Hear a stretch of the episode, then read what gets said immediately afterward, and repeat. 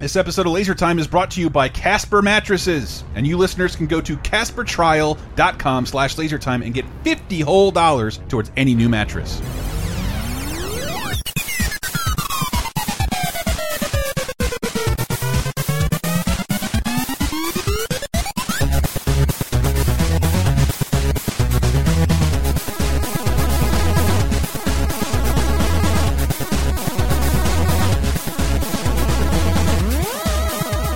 Grab a bowl of cereal. It's laser time, ladies and gentlemen. Hi. Welcome to the internet's 17th leading pop culture podcast. Each week we choose a topic, we grab some experts, some friends, do some research, bring you a bunch of stupid fun sound effects. And this week's episode is all about recreating the joys of Saturday morning. Saturday morning cartoons in general. Uh, the pajamas, the pogo ball commercials, the uh, the cartoons, the beloved lost cartoons, and I I have two fantastic guests with me today. One is my cat nudging the microphone. Get down, you jerk. Hey, this is John from Gen X Grown Up. Thanks for having me here. And this is George from Gen X Grown Up. How's it going, everybody? And also the Drawn and Paneled show, I believe.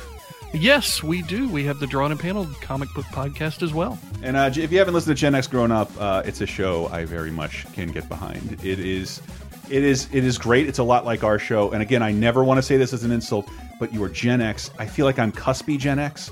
I, am not technically a millennial. I'm not technically Gen X. I'm somewhere like somewhere right after Empire Strikes Back. That's that's me. Uh, Gen X posers, get off my lawn! That's, wow, that's, that's the, way to start out friendly.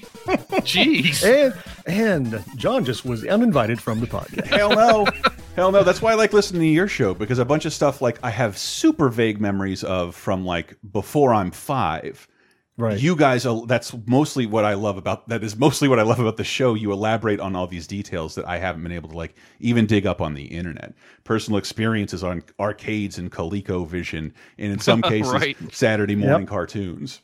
And yeah, we had said I, uh, I, I totally own the way that I wasted my youth, and uh, now we're capitalizing on that. Well, capitalizing would infer that we're receiving money for this. We There's are definitely not capitalizing. Place, right. Oh, you didn't get the check?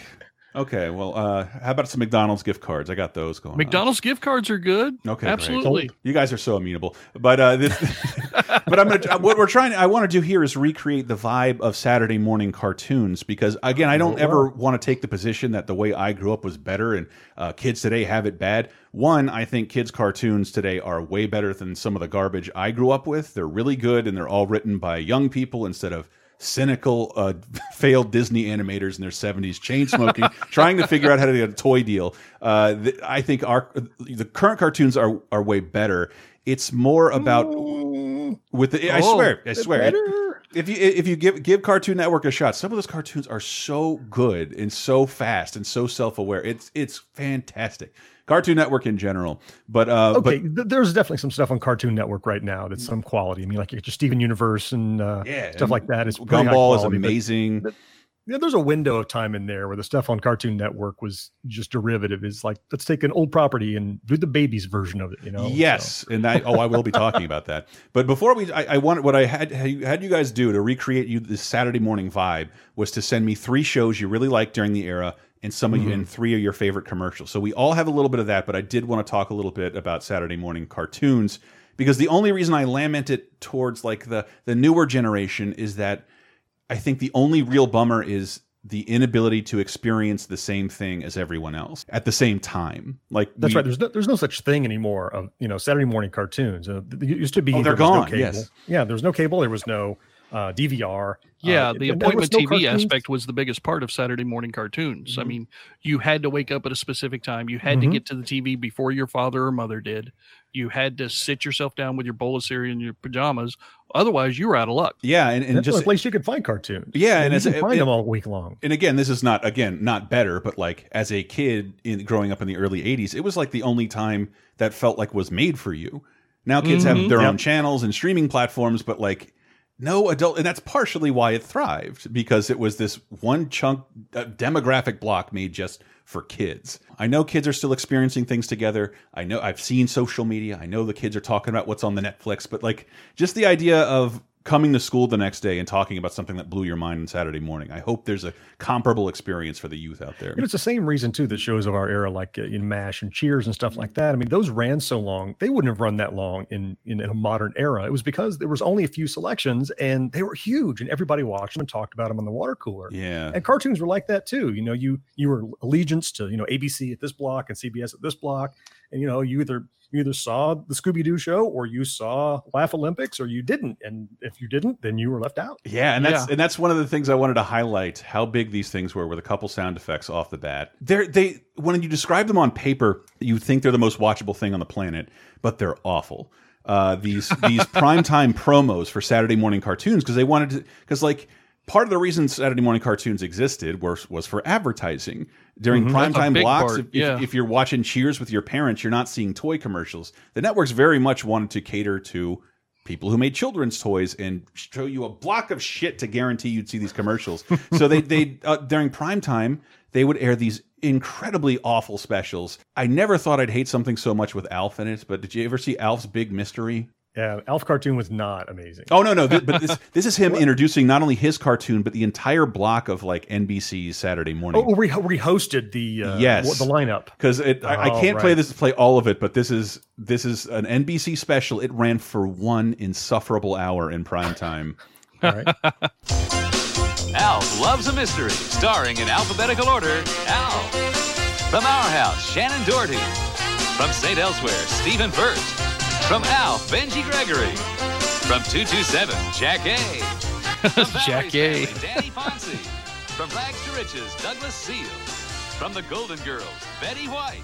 And Betty White in general is so much oh, better that's it. This. Yeah, that's the show. You don't need Alf anymore. You've got Betty White. And Alf is barely in it. It stars the kid from Alf, Benji Gregory. As oh, goes, the little young one. As right. he goes on mysteries that are somehow unlocked by Betty White finding out about the Smurfs and throwing to a clip uh, in, in the new Archie show, and it's just so fucking insufferable. it makes me feel a little less bad about the fact that Alf ended by him being abducted by the FBI. I know. Well, right. It sounds like someone hasn't seen Project Alf. You no, know, no, I, that's that's not canon. that's not canon. uh, but this is how the promo ends, just because it, it, makes me cringe every time I see it. Can I keep the coat and hat to remember my adventure? Sure. Better yet, tune in to NBC Saturday morning and you'll see all the friends who helped you out in the shows of their own. Alf, you're the greatest. Now I can't wait till Saturday.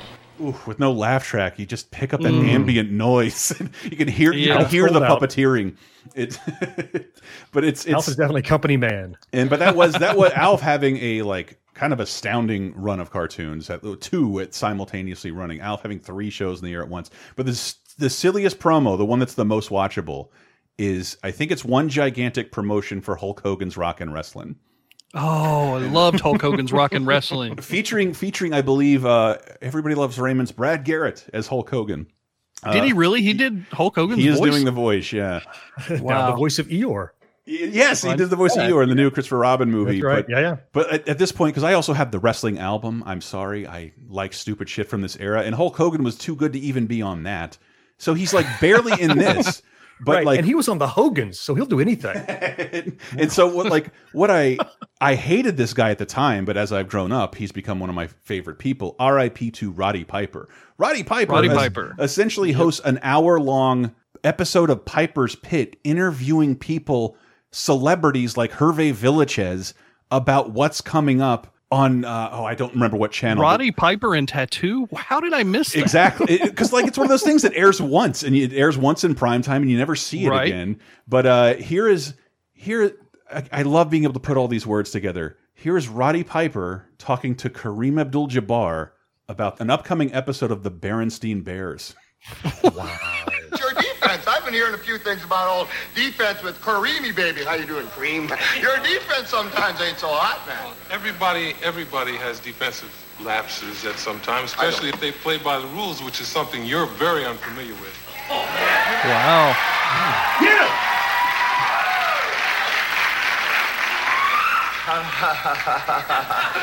we have a film clip that you brought, I understand. We might as well get into yes. it, huh?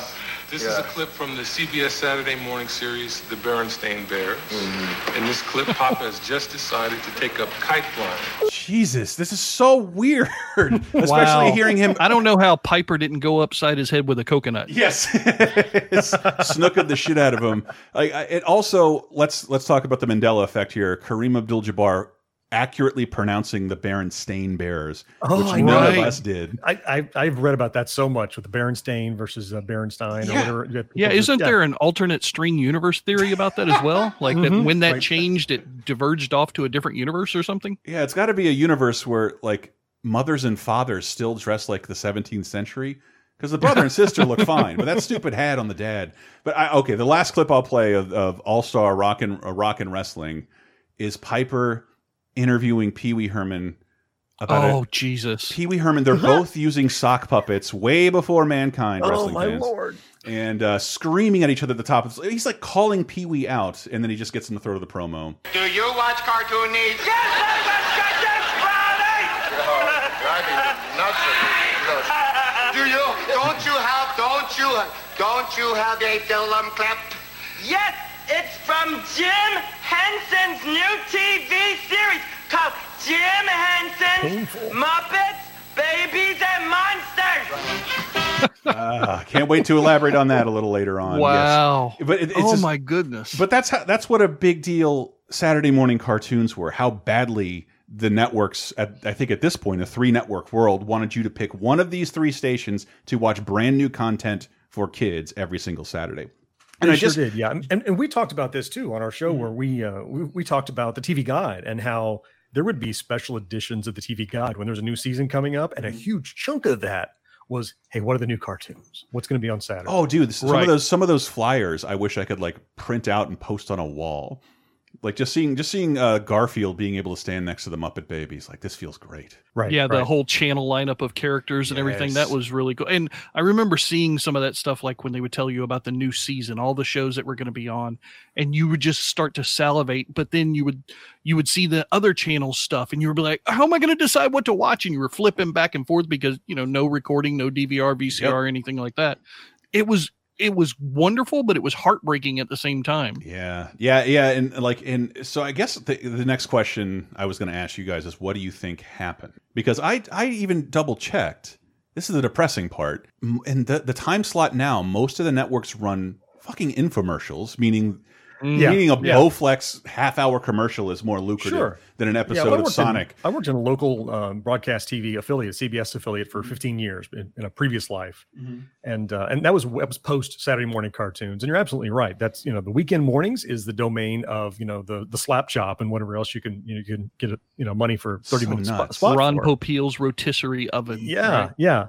And- and It, it, it had to do with proliferation of other channels. You know, you I was going to say cable had to be Yeah, it. yeah. right, but I, but I even I along checked. I checked. Here's the thing: I checked Nickelodeon. Like, what's come? What comes on at Nickelodeon on Saturday morning? And it's like it was like one new episode of the Ninja Turtles, and everything else was SpongeBob reruns. And like, this is still supposed is to be a special what runs- time. Well, but that's time what's Right. happening now. What happened back then, you know, when cable first come out on the scene, you've got Nickelodeon, then those things can start running the children's programming 24 hours, come up with new children's programming because the whole channel is dedicated toward children. right, but do you It's a completely different thing. It- Do you remember what kills- they did on, on, on Saturday mornings? Uh, I For a while, they just started to run infomercials too. It's like we can't compete Yeah. with what they got going on in networks. There's no. Well, one here's the thing with network television back then, Chris, is that um, when it was just the three power networks, there was a requirement from the FCC that you run X percent, uh, certain amount of programming that's dedicated to children and it's edu- educational as, as Yes. well.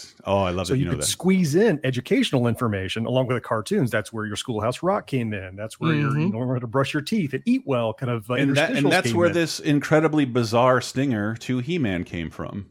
Okay. She-Ra and I want to talk to you about something that's very personal your body. Remember, it's your body and no one should touch you in a way that you feel is wrong. He Man does sex ed. It's not that easy, Orko. It's hard for a young person to admit that he or she has been touched in a bad way. If you've Oh, been God. touched that way, don't be ashamed. Tell someone you trust, like your parents, your doctor, your teacher. Look, I applaud the message, but the Right, tone and the music could could could change a little bit. Like this sounds sounds a little too mighty to talk about molestation. But uh, someone touched you in your He-Man loincloth area. I think I think that that was the caveat that some of the programs came up with that they would devote the last the final 40 seconds of their program mm -hmm. on mm-hmm. every episode. Yeah, the more you know segments, right? The more you know segments to do something that was morally in benefit to the community that was watching it. That's kind of what right. the FCC. So that was requirement to networks back then, and so that was relaxed when that was you could get educational television elsewhere and so fcc no longer requires that so they could reclaim that time and doesn't have to be in service of the community for children anymore. Well i think so apparently like according to a washington post article about that, that like they they lessened they the fcc restrictions were tightened and then they lessened.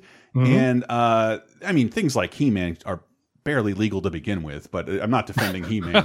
But uh but like uh, in 1996 it got uh, the Children's Television Act made things a little harder and mandated three hours of community of, of educational based programming as of 96 and of course nobody wanted to nobody wanted to stick it up against friends and seinfeld so they they mm -hmm. bounced it down to saturday morning which bored kids Meanwhile, as Nickelodeon Cartoon Network are actually growing into viable original content producers. I mean, when I was a kid, it was mostly like dubbed French animation, Maya the Bee and Spartacus. It, it couldn't mm -hmm. compete. It couldn't compete with He-Man and Ninja Turtles, uh, but they were getting there. And then, and also, cable is not subject to those rules.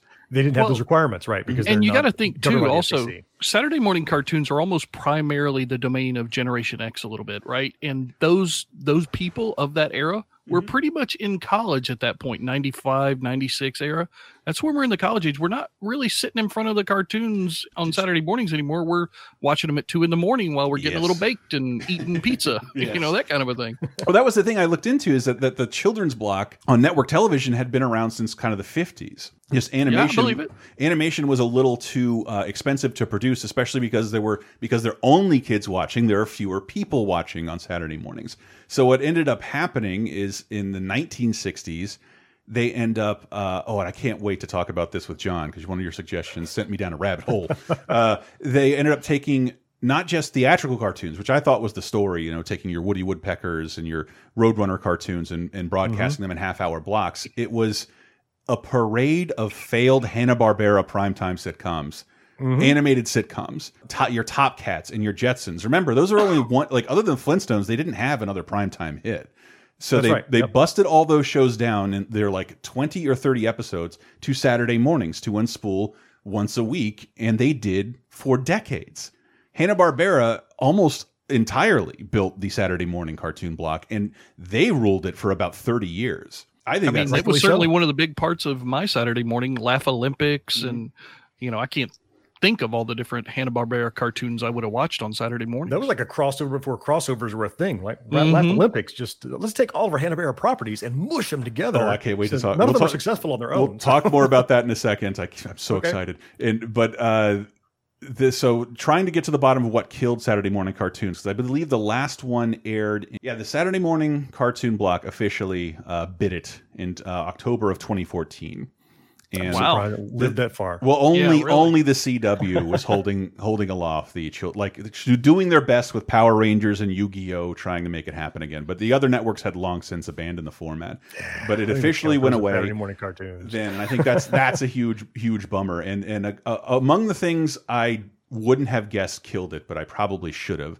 Two things we both lived through the rise of. Um, can you guess what those are? Uh, cables, zombies. You're, man, you're both close. Uh, video Cable zombies, video games, and okay, divorce. Okay. Because if the parents are away from the television, you know, we lived in a one television household. That meant it's time to turn on Mario because otherwise, mom wants to watch Beauty and the Beast reruns on Lifetime. Can't can't do mm-hmm. anything I want.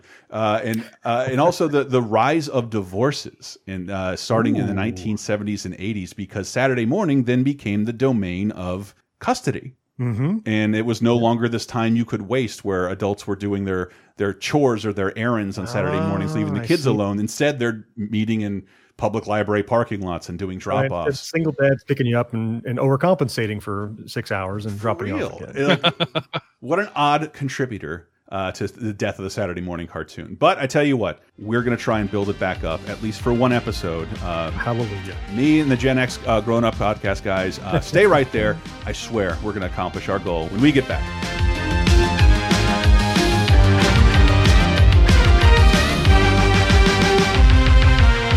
After these messages, we'll be right back. I hope you're well rested because if you're not, oh man, this is going to be the perfect sponsor for today. Casper Mattresses. Yes, Casper Mattresses, baby. Offering you one hell of a sleep experience for an outrageously reduced cost. And even better than that, if you go to CasperTrial.com slash lasertime, you can get $50 towards any mattress that you want right now. And when I say any mattress, I mean from Twin to California King. And if you don't know what Casper mattresses are, uh, they are mattresses that combine high density memory foam and premium latex to create a sleep surface that contours to your body and keeps you cool and balanced through the night. Casper's dug deep into the science of sleep and they're trying to offer you a better mattress at a much better cost. And one of the ways Casper has cut out the cost is by not having stores throughout the entire country. Instead, they ship the mattress right to you. As a result, Casper mattresses are up to a quarter of the price that you'll find in most big box stores, and even better than that. And if you have any reservations of a mattress being shipped to your house, Casper knows that, and that's why they've provided you with a 100 night risk free trial. You don't like the Casper mattress? Give them a call. They'll come pick it up for you, get rid of it, and give you a full refund. If you're in the market for a new mattress, please consider Casper. And even better, go to CasperTrial.com slash lasertime to get $50 towards any new mattress. Look who's popping into McDonald's. It's Mario from the new Super Mario Bros. 3 game. And when you buy a McDonald's Happy Meal, you'll get a Jumping Mario, or a Kooky Luigi, a Koopa Paratroopa, or a little Goomba. McDonald's Happy Meal, you can collect all four. Is the world of today getting you down? Well, then why not check in on some of the good stuff that happened this week in movies, TV, games, and more 30, 20, and 10 years ago this very week with our show 30, 20, 10. Here's a clip from 1999. Uh, would you get into closet with Liam Neeson and James Nesbitt for Five Minutes in Heaven? Oh. Uh, five Minutes of Heaven, excuse me. I might be The misconstruing this. title for this fucking movie. Would you like to know my, about my particular set of skills? Watch what I do with my tongue. All right. Ew. Ah, Ew. Some of us only need five minutes. Ah, ah, ah, Gross. Two guys. I don't know what you think they're doing. Yeah, that's that's way better. Um, Jump into the past with 30 2010 every Thursday on lasertimepodcast.com or iTunes, Spotify, Stitcher, or wherever you get your podcasts. Five, four, We now return to the Smurfs. Gotta get up, I gotta get going. I'm gonna see a friend of mine. He's round and he's fuzzy, I love him because he's just Pooh Bear, Winnie the Pooh Bear. Looking for fun, chasing some honeybees. Coming in with the new Adventures of Winnie the Pooh theme song, which for it's it's the thing I say to myself to get out of bed every single day. Got to get up, got to get going, and it was also instrumental to something else I really like, which we'll get on with in a second. So what I asked all of us to do is to go grab three of our favorite Saturday morning cartoon shows that were the shows we thought were the most important or the most worth mentioning as part of this weird little subgenre, and then a couple of promos or commercials that we, we consider synonymous uh, with Saturday morning. And I'll pe I'll pep uh, we'll pepper. Obviously, we're going to pepper in some of these in the break that we can't get to because uh, it's to me it's not Saturday morning and without the same promo for ten years of Captain OG Readmore telling me how books are exciting. Is this a competition of who picked the best cartoons? Or No, no, I, want, I already know I won that Uh, because I mean, once the there's no competition. The there. second John, you don't even you- know what I picked. The second you sent your stuff over, that was the one I wanted to talk about the most. Oh, Um, that's just kissing much. his ass. Thank what you. the Thank you. hell? John It's wins im- again. It is important. It is important to me. Uh, I am a massive, massive, massive Looney Tunes fan. Mm-hmm. And I think part of that reason is because they got a prime showcase for kids. I had no idea it was 50 years after they were made. I had no idea some of these Right. people Yeah, involved are dead when I was enjoying these things. And they still stand up to me as like some of some of the most well-crafted, tightly knit pieces of humor. I I still watch them. I think they're Well, fantastic. it, it was it was before the dumbing down of animation, right? They actually Mhm. animated every cell. It wasn't like three frame animation like GI Joe. Yeah, it's And it 24 was- frames a second. It's made for theater, so it had to look really good. Yeah. And it And I had to tell be you what really else funny. that makes it timeless is that uh, much of it is uh, not original music. It's cued to to legendary classical music. that Yeah, that's the biggest goes part out for of me. time. Yeah, Yeah, and that's I, I I mean people sometimes forget about that that Looney Tunes was kind of this cynical thing by the studio to compete with Disney's silly symphonies like we have all this Warner Brothers music and we're not using it. Why don't we throw it in our cartoons? And it became merry melodies in the Looney Tunes and it never really went away. You hear like refrains from songs that are still copywritten in almost every Looney Tune. Yep. I have so many favorites. I like that every time you see a Hollywood shot, you hear "You ought to be in pictures," and then and then, and then every time you go to like uh, Africa, they play this like refrain from a song. I have no idea what it is. Ba-na-na, ba-na-na. It's fucking fantastic. I love Carl Stalling. Yeah, so much of that. Yeah, and Mel Blanc was every other voice, if not every voice. all yeah, I think everybody just- but Elmer Fudd for the most part. Um, Yeah. yeah, and uh, and June Foray, who was in pretty much every one of the shows we're going to talk about. It's ridiculous as Granny uh, in the Looney Tunes. But I, dude, I love the Looney Tunes. I think it's it's. It, I don't know of many things that have held up as well as Looney Tunes. They are really Well, good. The Bugs Bunny and Daffy Duck stuff, of course, everybody loves. But a lot of the, the the gems that I love were the ones that didn't star anybody except some of those little corner case things. Like there's a fantastic one with the the great big bulldog, and they get a tiny little kitten. And Yes. he hates the kitten, and then he befriends the kitten and loves the kitten, and it That is, uh, his back and makes he sweats. That dog is named Marc Antony. Yes, yes, Yeah, that's right. It's a Yep. fantastic cartoon. I'm forgetting the name of, but the dog's name is. Look it up. It's he's not in. I think that's like their only cartoon together. It's one of the best Looney Tunes ever. It is. It's fantastic. You watch it over and over, and it's it's exactly how cats are. It's exactly how dogs are, and I'm like it. And it's it it makes you oh so sweet, right? It's And I remember the show infuriating me, the Bugs Bunny, as we knew it, the Bugs Bunny Roadrunner Hour. Um, Right. It, 'cause it infuriated me because Looney Tunes were one of those things that like people could cheaply distribute over a ton of different channels. So they we had other Looney Tunes airing in syndication. They were airing on Nickelodeon and they were airing on Turner uh, networks like TBS and TNT. But to me, the Bug Buzz, Bugs Bunny Roadrunner Hour had all the best ones and wouldn't let them go because I, I, I, we bring this up all the time in our podcast. There's even a promo Nickelodeon made, like, "Sorry for showing you so many Bosko cartoons. Let's say goodbye to Bosko. we got some Bugs Bunny. We don't need Bosko anymore. Bye bye Bosko." well, I spent Uh, my entire youth not knowing the correct lyrics to "This Is It," the opening. You know, because I, I never knew. I thought it, I didn't know what they were saying. It wasn't until I was you know in my 20s that I'm like, oh, overture, curtain lights. Curtain this is it, the night of nights, and I'm like, I just hold the cause rights. I'm just like dumbing through it. I don't know what the words are, but and I happen to have it because uh, you would you wouldn't believe it, but I even have a Christmas ornament that that sings this song. Overture, curtain lights. This is it, the night of nights. No more rehearsing and nursing a part. We know every part by heart. So like it yeah, that's the thing. If you were a kid who grew up anywhere from the 1960s to the year 2000, you saw this promo. And, and let me tell you, all, all BS aside, I got chills listening to that in my. Oh ears yeah, oh, no, me Yeah. too, Yeah. me too. Because because what I what I didn't know after doing a little bit of research, they I know if you're an animation a hardcore Bugs Bunny fan, you have been on the search for the lost Bugs Bunny show footage. That has not been seen in uh, some years, but that's that's what this came from. This is a this is a color version of that. Uh, originally, the idea uh, Looney Tunes were something the Warner Brothers has been making since the 20s into the 60s, and they kind of faltered in the 50s and stopped altogether in the 60s. So in the 1960s, they had a, an idea: these Bugs Bunny cartoons still hold up really well. Why don't we give Bugs Bunny a show in prime time at eight o'clock where we show these old cartoons?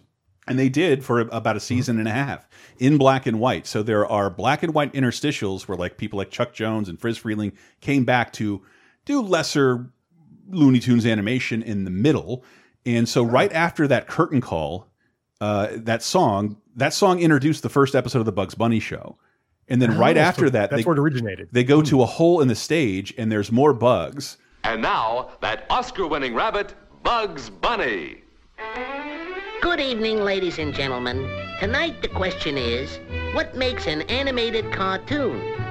How do we make a move? So this is that's one of the few pieces of uh, animation they've been able to recover from the interstitials from the original Bugs Bunny show. Wow. And the Bugs Bunny show was kicked then kicked down to Saturday morning, Hanna Barbera style, and where it aired until the year 2000 when finally Warner Brothers is like, you know what, fuck this. We have all these cartoon, we have all these cartoon networks. The Looney Tunes live exclusively here. Screw Saturday morning. And Hmm. that's that's it didn't it- that's the thing. It didn't really even get canceled because of lack of interest. It was just due to right stuff. That's how cool the Looney Tunes are. Yeah, yeah. There's there's not one that I'll that I'll fast forward through. I mean, every single one of them. Yeah, maybe there's a couple that uh, you know, Bugs Bunny, uh, the Roadrunner gets a little derivative Yes. sometimes. You should the Bugs see Bunny Daffy Duck stuff. You should see Chuck Jones' notes on like oh fuck, I got to do another Roadrunner cartoon. He's like writing Yeah, to his yeah, wife. they're very like, derivative. Jesus, why do people like these so much? And I, I was even thinking about it in the shower today. Like it is sort of perfect. Nobody talks in in in the era we live in. There's other than mild violence, there's zero problematic shit about it. I watched an Mhm. entire movie theater in the 2000s cringe at a Pepe Le Pew cartoon. That shit, some of that stuff doesn't fly anymore. But yeah, It's a little insensitive these days, isn't it? It's about two animals running after one another. It's like Mm-hmm. perfect. It should work every generation. And since they still look good, oh, oh, I hope it, further generations still enjoy them. Do you have a favorite Roadrunner moment? I, I have one that always sticks out in my head. Is there any? I mean, because they're all so the same. They're all samey, but there's one that sticks out in my head as my favorite. Do you have anything like that? I'm trying to think because I just went to an oh, an awesome. there- There, there's a, a local uh, a local dude who uh, I want to get on the show who worked on the new Roadrunner cartoons Oh, right, made a few years ago. Yep. And uh, he did this whole presentation about what made them work and how do you make them work in CG. And it made me want to, and I just haven't had the time to dig back into Roadrunner and Coyote cartoons. I know it's just for as a kid, it was always weird in those two or three cartoons where he where Wiley Coyote talks. You would just like drop Mhm. your cereal on the floor, like what the fuck was that? Genius. He has yes, he has. Why, why does he sound like the Grinch? This is crazy. Right. The one I always remember is when the tables got turned, and uh, I I forget if he got uh, did he drink the the Dr. Jekyll Mr. Hyde serum? I think he just got bigger. I think he got enormous. Oh, that's what it was. He got Yeah. enormous, and the coyote finally caught him, and he was like his leg was as big as a tree, and he couldn't do anything with it. yes, because I think the Roadrunner ends up. And so, so the Roadrunner became the predator, and the coyote had to had to flee from Yes. him. I, I always I always remember that one as being kind of different and stood apart. Yes, but this in, in the list of long running shows, I don't know how many shows have gone 40 years. The Simpsons hasn't done that. Uh, Gunsmoke didn't do it. Maybe, maybe Monday Night Raw, you wrestling fans. But like this, this, so this, uh, there's definitely no other television program that ran for 40 years on Saturday morning. Well, the beauty is that it's not a, a serialized show that they have to keep characters fresh or running. It's it's little episodes, it's little movies, right? A little four minute movies, and they can do anything that they want. They can reset the universe at every episode. People can die, or they can get flattened, or they can turn into an accordion, and they're fine the next episode. So you can do it. It's fresh every time. Yeah, it's, I've been trying to get all the uh, Looney Tunes I can on DVD and Blu-ray, and if you heard our interview with uh, animation historian Jerry Beck, that's probably not going to happen anymore. But I remember the Mhm. Looney Tunes, uh, the Bugs Bunny Roadrunner Hour was the only place to see cartoons starring those two inbred guys. They were like the Hatfields or the McCoys or something like that. Oh yeah, because Yep. like this show, but for a while this show has had so many like classic cartoons exclusive to it. It's very very strange. Blunderbuss rifles with that flared out like a horn at the end. Yes. okay, okay, okay. I want to talk about that so bad, uh, George. I wanted to move into uh, one of your cartoons. All right. Um, and I do love that you chose this. Heavens to hilarity! This is it, sports fans, participants even.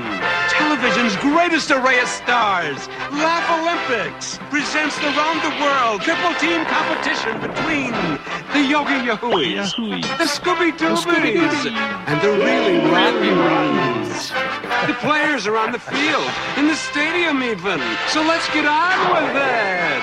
Laff-A-Lympics. Now this this is this is where our age difference diminishes this to me because I didn't Oh. I didn't get to I didn't get to earn Laff-A-Lympics. Laugh Olympics Mhm. just Yeah. aired alongside everything else Hanna Barbera did. So it was a fully formed thing. It was like you saw Avengers Endgame first, Right. and weren't there for all the lead up. movies. Yes. Right. It was like I was born in 20, 2018 and I saw Avengers Infinity War as my first Marvel movie. Yep. It, I well, didn't and we had the we had the real life example that was airing Cohen at the same time. The the Network All Stars, Stars, Network Yeah, Stars, Battle of the Network Stars, which you know, was, that was that's what inspired Laff-A-Lympics. It was ABC, and they're like, you know, we found out that if you bring all these things together in this kind of competition, and we have these kind of, you know, And I, I, I want to say that like this would pop up in syndication uh, either on Cartoon Express on USA or Cartoon Network every time there was an Olympics to capitalize an Olympic feature. And if I may, Oh, sure. as a cartoon nerd who's had a hard time googling stuff, this is Laff-A-Lympics, not to be confused with Animal Olympics,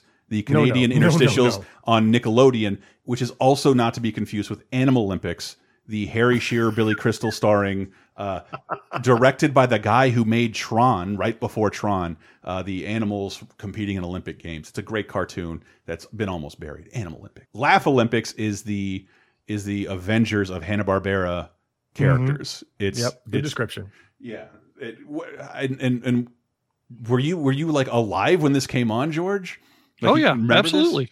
Like yeah. the culmination of everything you've been watching that's all been leading up to this. You watch Yogi Bear and Snagglepuss and Huckleberry Hound and Scooby Doo, uh, and now they're all in the same cartoon together. Hell yes. yeah i mean that was the big draw i mean you you weren't sure sometimes whether or not you were going to get to watch this cartoon or that cartoon but with Laff-A-Lympics you got to watch them all and you Mm-hmm. got to see them in what seemed to be behind the scenes personalities which was completely mind-blowing to a young child of my age at the time you'd see you know yogi doing all this stuff and you were like but wait he's not acting that's really yogi and in your mind you were thinking oh, this is how really Real yogi, Yogi. really is you know Yep. He's not even acting even. That was Daws Butler getting a ton of work. Jesus Christ! Like having Yeah. to voice four hundred thousand people on that cartoon. it, it it didn't run that long, but uh, it only ran two seasons. I, I'm seeing it starting in 1977. But uh, but I remember like when I this popped up on Cartoon Express, like what the fuck is this? How did the, all these people are in the same cartoon together? Who negotiated this, not knowing anything about studios? But, Right. uh, right. But yeah, this is it. Only yeah, only ran uh, 24 episodes, which seems yeah, which, which is about average One of the for longer running things that ran forever, you know, like your Bugs Bunny Roadrunner hour thing that you were talking about before. This is a very small snippet of time, but it's still timeless to me. But I think I think that's part of like the Hanna Barbera way. Other than Scooby Doo and the Flintstones, everything ran one or two seasons. Yeah, it's probably a good point. I, I grew up loving the Jetsons and not having any idea on, on I'm watching season one of the Jetsons, 30 episodes from the 1960s, and then Mhm. 30 new episodes made in the 1980s. And they were just the same show to me. And now, of course, I can see the animation differences, but uh, it's so bizarre, man. Like I can't. I'm trying to Hanna Barbera. If you, we've we've displayed a lot of scorn on this show for them, but I, I don't mean to. It's just that like it's not my personal nostalgia. It feels like Yeah, exactly. It, it wasn't your childhood necessarily, the Right. Hanna Barbera stuff. But it Yeah, was. I mean, it's it's the it- it first thing cable gave us access to, like uh, just wall to wall Hanna Barbera stuff on Cartoon Network and Cartoon Express, and oh, they're all so the same sometimes. So you're just getting overloaded with it was your problem. See, we got we was meted out to us Yeah. gradually over Saturday mornings over time. So it was new to us each time we saw it. It- We weren't getting hammered with it. We weren't we weren't binge watching the Hanna Barbera. There was no binge watching, right? I mean, Yeah, no appointment. TV. Yep. That was the whole point. Yep. yeah, I like like Cartoon Network would have to program a marathon. You couldn't binge watch this like ever. I don't even know if this has ever been on DVD. No, and you didn't have marathons that often either. The closest you got to it were reruns during the summer breaks, and that didn't happen for cartoons. Cartoons were live all the time, really. Yeah, yeah, it's so. Well, cartoons weren't live. You see, you have to animate them, George. It's Okay, shut time. up. Okay, there. Are, by the way, if you've ever watched an episode of Care Bears, it feels like this is being improvised. It feels on like the live animation. It does. It feels very live. Two Uh, frames per second. Looks good. And which is the one I wanted to go to? Okay, my first love, my first embarrassment. But uh, it, makes sense in the context of Saturday morning cartoons because it's probably the most important one on my list. And you guys, I wonder if you have any experience with this. And I'll just say, I hate it and it's bad, but the intro still gets me every time. and the masters of the universe.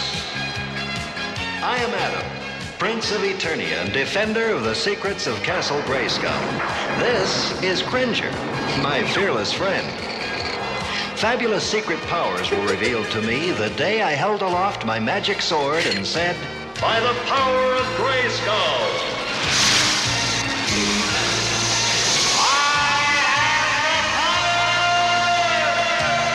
Oh, it still gets me every time, guys. I know it's not good. I know it's not good.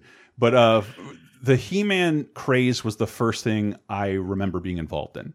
It, uh, Okay. It's a Yeah. two-season show starting in 1983 to 1985, and it's fucking terrible. Conceived by Mattel and given uh, given a story by Filmation. I have you seen? Have you guys ever watched that uh, Netflix doc, "The Toys That Made Us? The toys who made us, So right? yeah, fun, we talked Right, about you- it you- often on our podcast. Yeah, yeah. You you had said that you know this these cartoons were advertising. Well, this is the other way around. It was advertising that was turned into a cartoon. They created Right. the action figure and said, "Now we need to jam this into a cartoon." Yeah, and like I think in some markets they gave the show out for free or for like very little money. Just because, like. Yeah. the, the point is to get this to get people to see these characters. He Man meets Yeah, a new a toy. 20-minute I mean, commercial. person every episode. And and and I was looking at in England, they're like, this will not stand. You shall not advertise He Man. They weren't allowed to advertise He Man stuff in between the cartoon.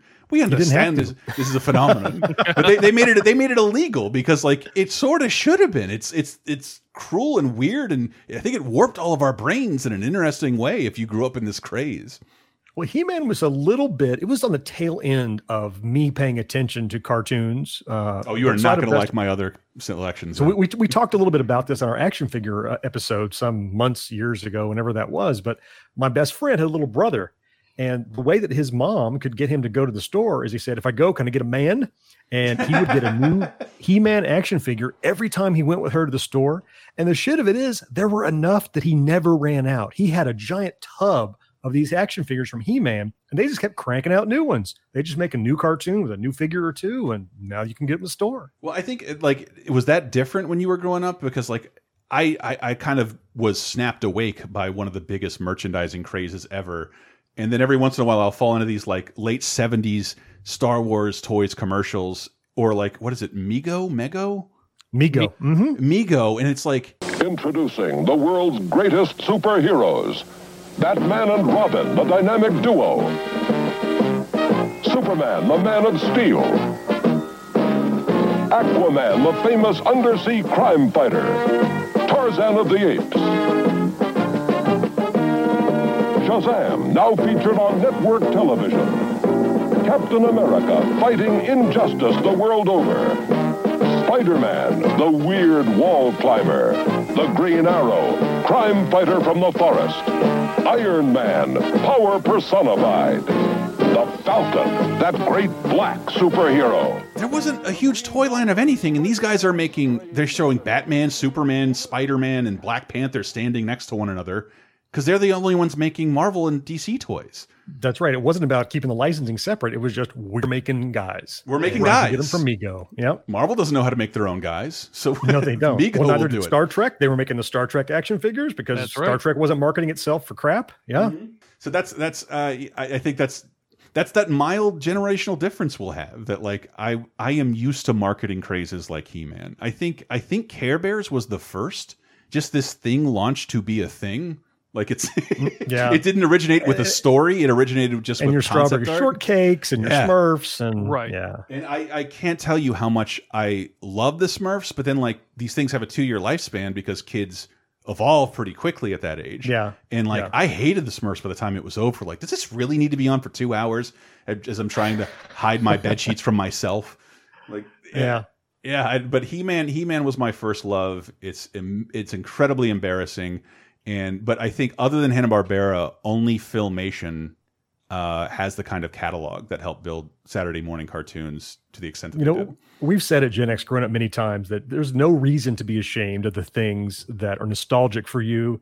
You know, people say it's a guilty pleasure. I don't think there's any such thing. You should not feel guilty for the things that bring you pleasure. I feel so if you say He Man is it was bad, who gives a damn? You loved it and it meant something to you. Because so is this crack pipe I have right here? Is that okay? That's a, if it makes you feel good, don't worry about it. A, Okay, all, A, good. all those Honey! all the all those wasted mornings. Uh, John said I can do crack. And is then your also childhood crack pipe? Is it nostalgic? the, the, yeah, absolutely. It's in the shape of He-Man's sword. John, and what about the torture I put my parents through begging for these god awful toys? What is skunk? Why do you need skunkor? Cause he smells 'Cause he bad. smells. I, What do you Yeah. need Beastman? Cause he's a fucking beast. I didn't need He's any got of this hair. shit. It's awesome. And my dad just sold these all out from under me at seven years old. He's like, I told you these were stupid. You haven't played with these in years. And he just sold. It's like the meanest thing my dad ever did to me. Did you have Castle Grayskull? I did have Castle Grayskull, but Hallelujah. I, I did you- want the, the I wanted Snake Mountain because it had a fucking microphone in it. Oh right. oh, because I haven't changer. I Right. haven't I haven't done any of that yet. I oh I, we, Get you, He Man. we were you supposed really to screw your voice up. Speaking of which, let me let me blow your minds real quick with one of it in our second episode of Laser Time, three over 300 episodes ago. It was a theme called All About 80s Rap Commercials when we discovered this wonderful new uh, resource called Rap, and everybody wanted a piece of it, including Joe Piscopo to talk about beer. Uh, the, the best rap commercial still, in our opinion, is there's a couple of He-Man rap commercials. And the greatest thing about it is that they didn't change out the voiceover guy. It's the same one who always did the He-Man stuff. And this is an advertisement for Spydor, the like eight double A, uh, like eight double D battery powered walking spider. You could put a, you could, I'm ready. You could put a dude in, and it's just a 30 second rap about it, including instructions. It's fantastic. Call it master power. Some guys got it, some guys don't. Skeletor's got this creep spider. It's Awful. Gary. Gary. When Spydor's legs crawl into sight, you better step aside because he also bites. Maybe he'll get you, maybe he won't. He's got master power. Some guys got it, some guys don't. Got it? Spydor's new from the Masters of the Youth. There's assembly to do. You need batteries too. Other action figures sold separately. it requires assembly two from Masters of the U. At least the Oh. one kid got it right at the very beginning. There's one kid. This is awful. Yep. Okay. You're right. Into the commercial right there. This reminds me so much. Have you seen the re-edit where they take Bert and Ernie and edit them together to do Rapper's Delight? Yes. Yeah, that's what that reminds me of. I was like, yeah, he didn't really rap. We're gonna make him rap. It's it's it's almost unfair because it's so easy to do that with the Muppets to manipulate their just a mild bit of speed and formation to make them look like they're saying anything because they have Sure, no yeah, lip yep. articulation.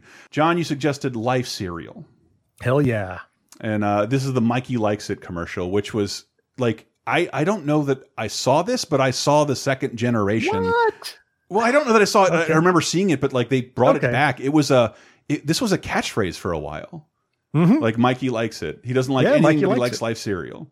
He won't eat it. He hates everything. What's this stuff? Some cereal. It's supposed to be good for you. Did you try it? I'm not gonna try it. You try it. I'm not gonna try it.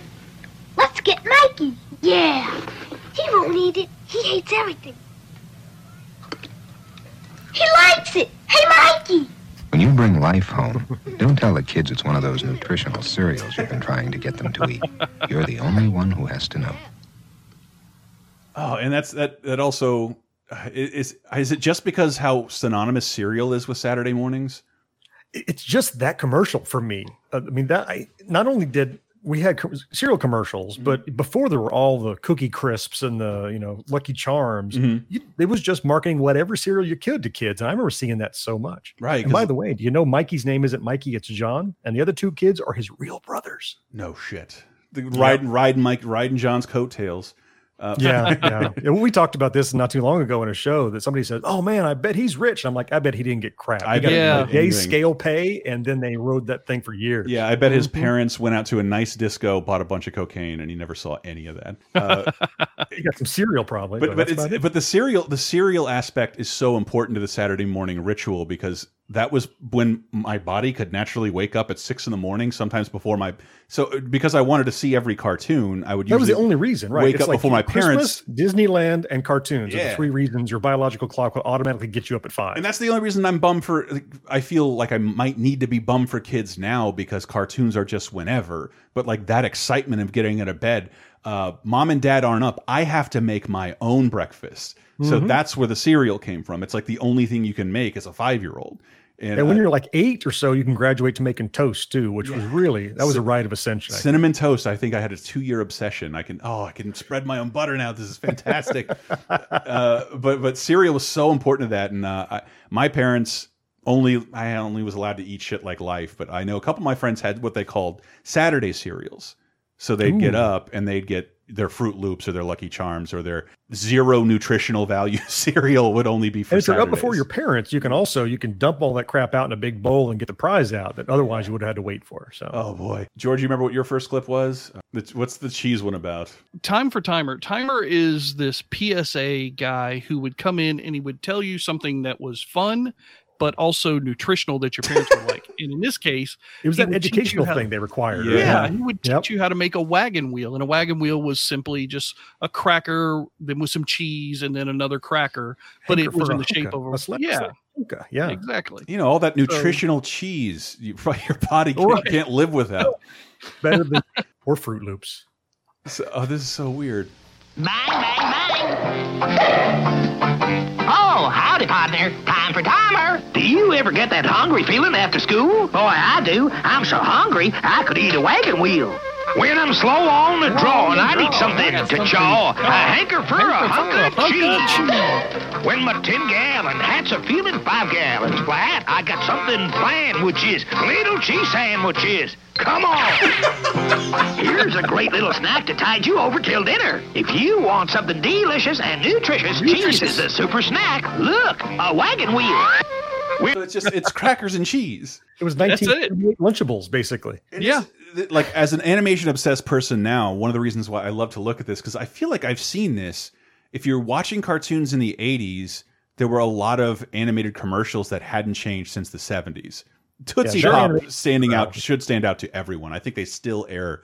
How many licks does it take to get to the center of this 1960s commercial?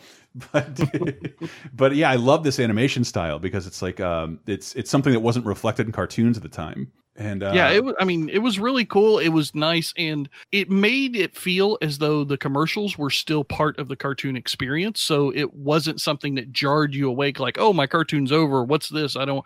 No, it was. It was just part of the natural flow. So I didn't see it, especially when I was very young. I didn't see it any different than I saw my regular Saturday morning cartoons. I looked forward to seeing these commercials every time they would air. The block that was for me. It was the Yeah. you know the million dollar man commercial and the schoolhouse rock and then eventually back to cartoons and then another commercial for yeah exactly it was still my stuff because it was stuff i cared about Yeah, I'm still I'm still shocked. Uh, like Amazon Video and, and I and like Apple Video don't like allow you to make your own playlists just so you can just relive all this shit. Only YouTube allows you to make your own channel. Yeah, right. And uh, but moving on to the your your next Saturday morning selection, and this one I I, I watched a ton of. This is John's selection. You chose Underdog. that's right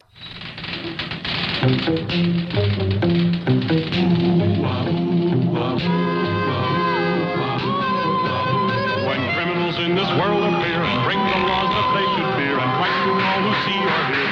the cry goes up both far and near for underdog. Underdog. Underdog.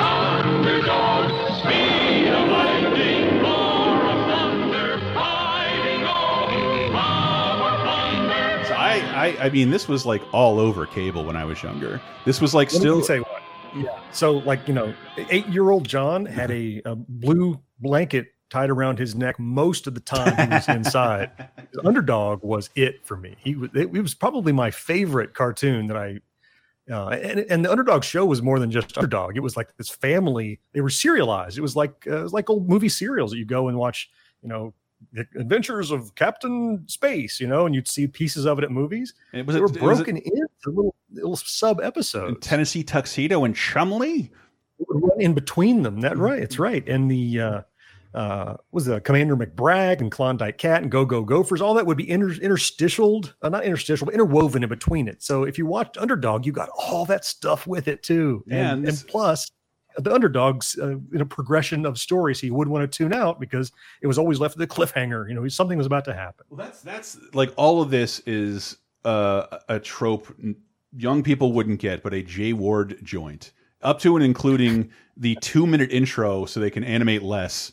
Let's have That's a, right. let's have a shitload of music and interstitials we can stick in here, so we can draw less things. But underdog every time. underdog, underdog. But it was actually it started in 1964, so like this show predates you.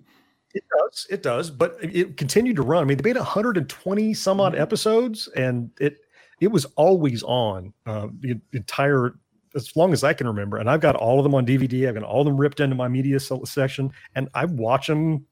I probably watch an underdog at least once a month. And when I watch one, I say I'm watching. See, you know, you're you're the only one who'll get the stupid. I don't know why, but it's from Underdog, and I don't remember where. That every time someone hands me money with a coin in it, I bite it. Bite it? Yes. Of course you do. Because that's, that's, because Shoe Shine Boy, when they would tip him, he would bite it, right, to find out if it was real or not. Yep. yes. But I yeah, I ended up watching a ton of this too, and it, and like it was it was wrapped before any of us were born. Wally Cox, for God's sake. Well, he was underdog. Yeah, who's Wally Cox? I don't know much about him. What what wasn't Wally Cox in? Eh, So he was uh he was Mr. Peepers, that old show. No, nothing. Mr. Peepers from SNL. No, no, no, no. it was a series in the 50s or so. He was a huge voice actor. Okay. Uh, yeah, yeah. Wally Cox was he, he was a very you heard his voice in Underdog. He's like this very mousy kind of guy, and he played that very mousy kind of guy as well. Uh, and just he was in everything with the Beverly Hillbillies and Lost in Space, and he had his own show called Mr. Peepers. He was in everything. I mean, once you see Wally Cox, you're like, oh, there he is again. There he is again. He was in all of those shows in 60s and 70s. And how do you feel about the 2005 Jason Lee Underdog movie? I saw it once. Uh, I didn't hate it, but I mean, it was it wasn't the same spirit. It wasn't the same tongue in cheek kind of underdog. You know, it was he wasn't rhyming everything he said like underdog is supposed to do. So, and that that that also I love bringing that up because like that's what Disney was doing before it started acquiring Marvel, Star Wars, and Muppets. It was Remaking. remaking things they didn't they had no involvement with, making live action versions of Inspector Gadget and just like kind of a forgettable period of Disney filmmaking. And Oh yeah, the but I- Inspector Gadget era. but I, I, I was watching Underdog uh, because, unlike Disney now, uh, I was obsessed with comic books, and I was like anything that was remotely super heroic. I am in. Mhm. Like I didn't watch. I didn't watch Batman sixty six with any hint of irony. Like this is what I want. No, no, this is this works. I love this. It- your next commercial is for. I I guess you could call this a food product. Oh, the Oscar Mayer Wiener. Yeah. Yeah. So, yeah, the little kid sitting on the dock with a toy fishing pole because he's eating his Oscar Mayer bologna and Oh, he's sitting yeah. out there smelling. And my entire life after that is you could not have bologna without my mom singing to me, My bologna has a first, name. Even though Oscar Mayer. it was William Bye. O-S-C-A-R. Yeah. I hold on. Wait a second. Is the He what? has a first name. It's O-S-C-A-R. My baloney has a second name. It's M-A-Y-E-R. Oh, I love I, I have never actually seen this commercial. And What? I, am seeing it for the. I knew that the song played in other commercials for years. Okay, yeah. But but like now I'm getting the Simpsons reference, which was Rainier Wolfcastle as a kid singing a, Yeah. the name of a German meat that's like eighteen thousand letters long. Exactly. Yeah. But, but the he, last two seconds of the spot are the best, though. oh, let's hear it.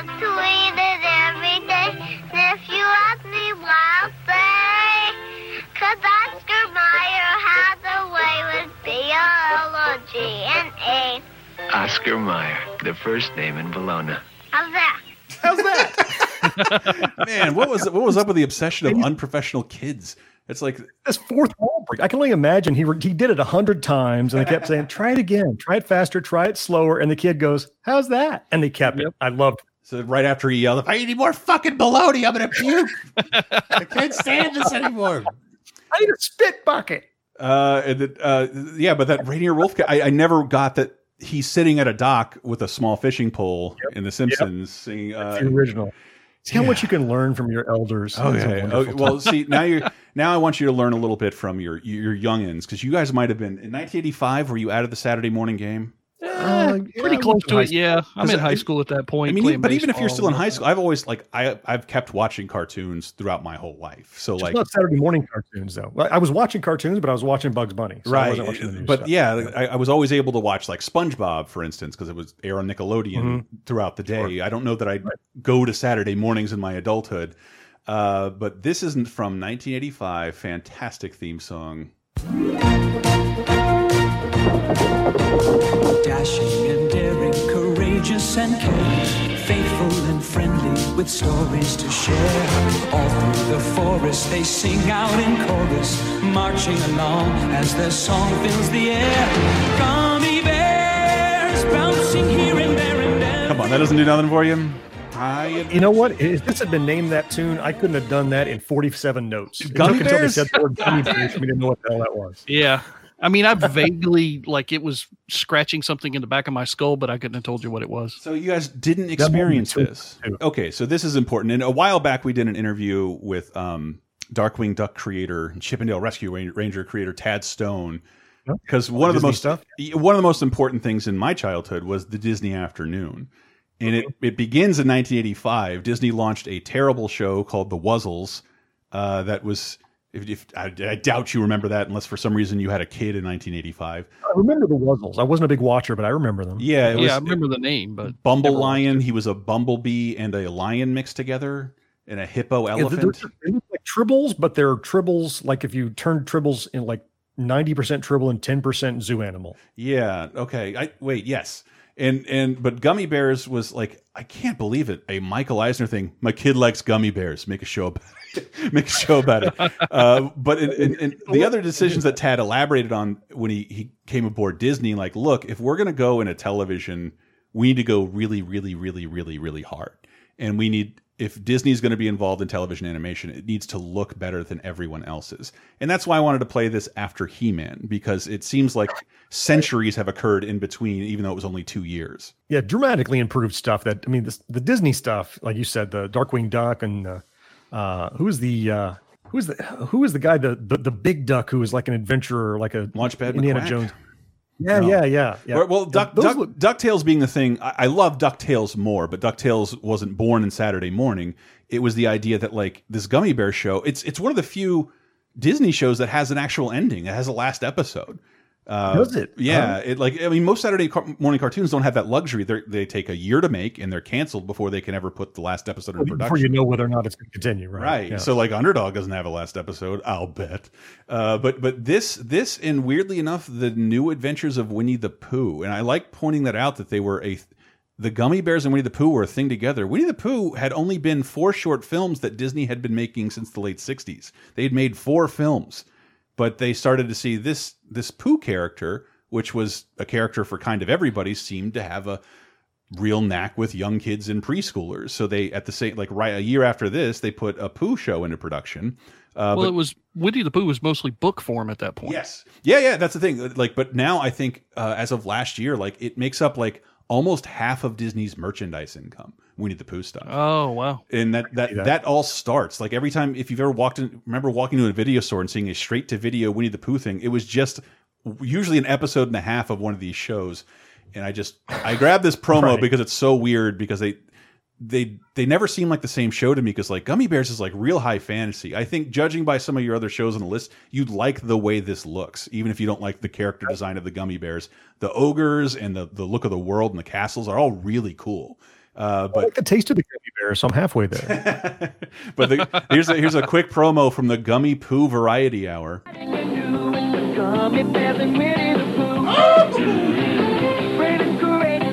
But if you can imagine, these are Disney's only two animated shows on television ever at this point.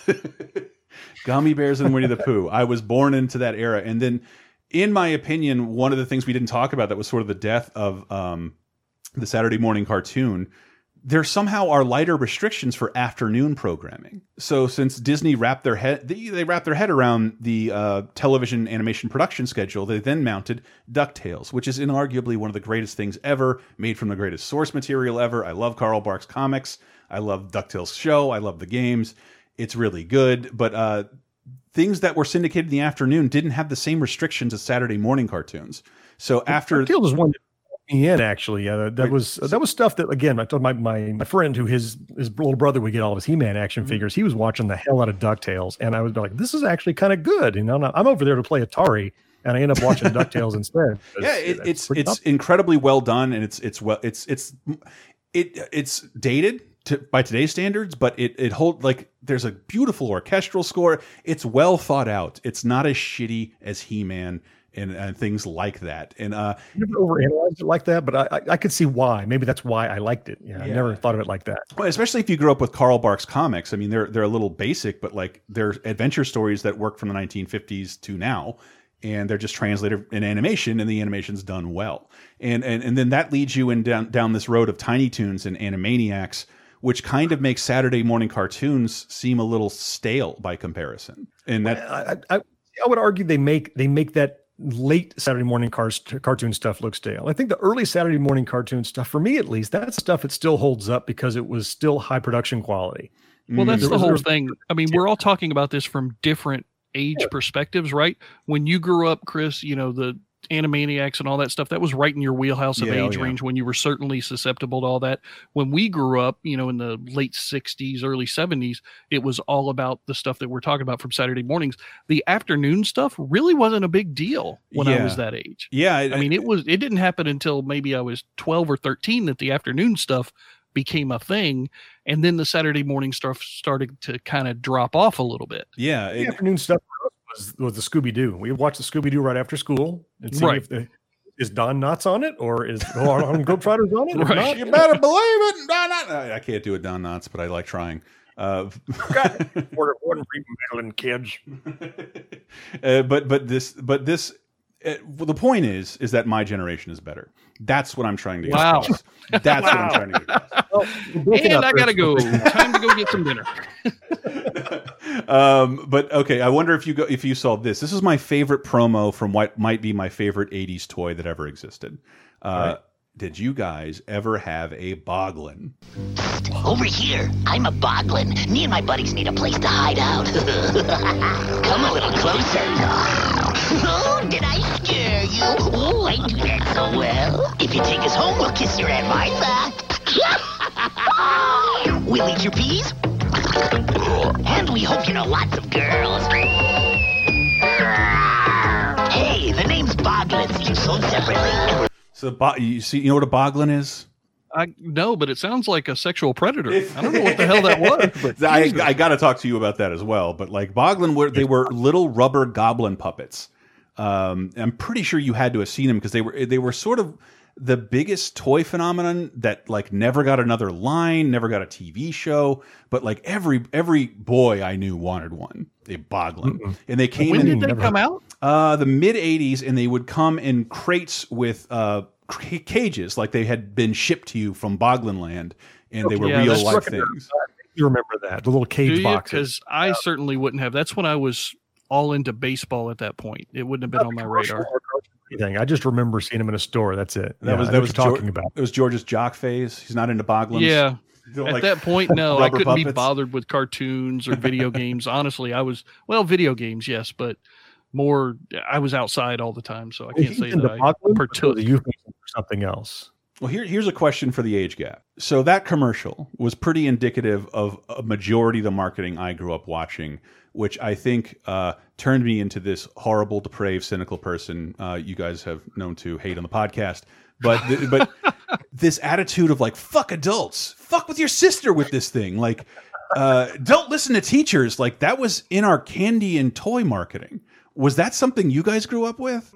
No, no. we didn't have counter counter culture really. I mean, it Yeah, wasn't. really. I mean, yeah, wacky packages was about as extreme as it got for us, and that was you know, ooh, or garbage pail kids. You know, that's Right. kind I of love garbage pail irreverent. and if it those, as innocent as they were, they still got banned from schools during our era. so yeah.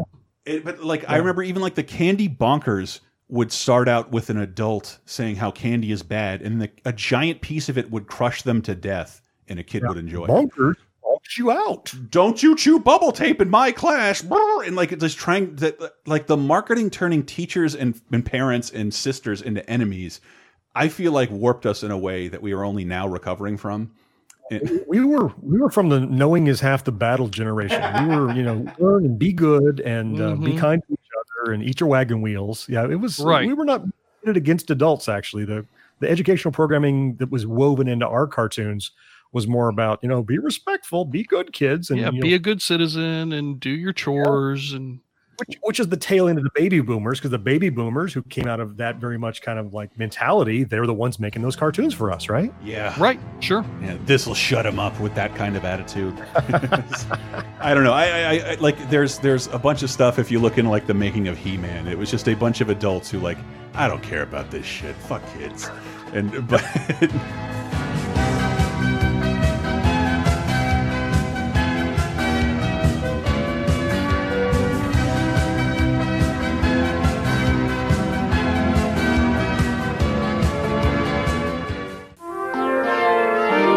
We'll return after these messages. hey there, lovely listener. You got a dog in your life that you want to spoil? I wish I did, but I live in a city and it's impossible. But if that's not the case for you, know that this episode is brought to you by BarkBox. And if you go to getbarkbox.com slash lasertime, you can try a free month for yourself. What is BarkBox? Well, it's a service that's committed to making dogs happy through delivering four to six natural treats and super fun toys, usually curated around a surprise theme each month, to your door for your pup BarkBox ships to the US and Canada and, and starts for as low as $20. And just know that you can select not only your dog's size, if your dog has any special allergies, you can let them know. They will ensure that your dog gets what's good for him, and you can even send stuff back if it's not jiving with your dog. Either way, know that all Barks boxes chews, treats, vitamins, toys, all the items in a BarkBox are wheat, corn, and soy free, so you should rest a little easier. Give yourself or your pup the joy of a million belly scratches and give BarkBox a shot. And again, you listeners can get one month free of BarkBox by going to getbarkbox.com slash lasertime. I'm Captain O.G. Readmore, a reading kind of cat. Read a book like me, you'll soon agree that reading is where it's at. Would you like exclusive bonus podcast commentaries and more from the LaserTime crew? Then we strongly encourage you to support this show on patreon.com slash lasertime. It supports not only this show, but all the rest of the LaserTime network. You'll get commentaries, play games with the hosts, see exclusive videos first, and receive an uncut weekly ad-free podcast bonus time. Speaking of which, here's a quick taste. No, no, no, no. You're Yeah, our, our. Oscar official Oscar historian. Mm-hmm. Uh, we Look, appreciate also, uh, people saying, "Oh, this Green Book's the worst Oscar, worst Best Picture winner of all time." Not even close. Ooh, Can you toss out some worse ones? Broadway Melody of 1929. Sure, Uh. Cavalcade, Greatest Show on Earth. Yeah, those all suck. Oh, the greatest show on earth! I saw that recently. Wait, that is shit that the fucking circus one? Yes, the Charlton oh Heston my circus one. god, I saw that in gifted class. Get Bonus Time, a weekly uncensored and commercial-free podcast every Tuesday, starting for just $5 on patreon.com slash lasertime.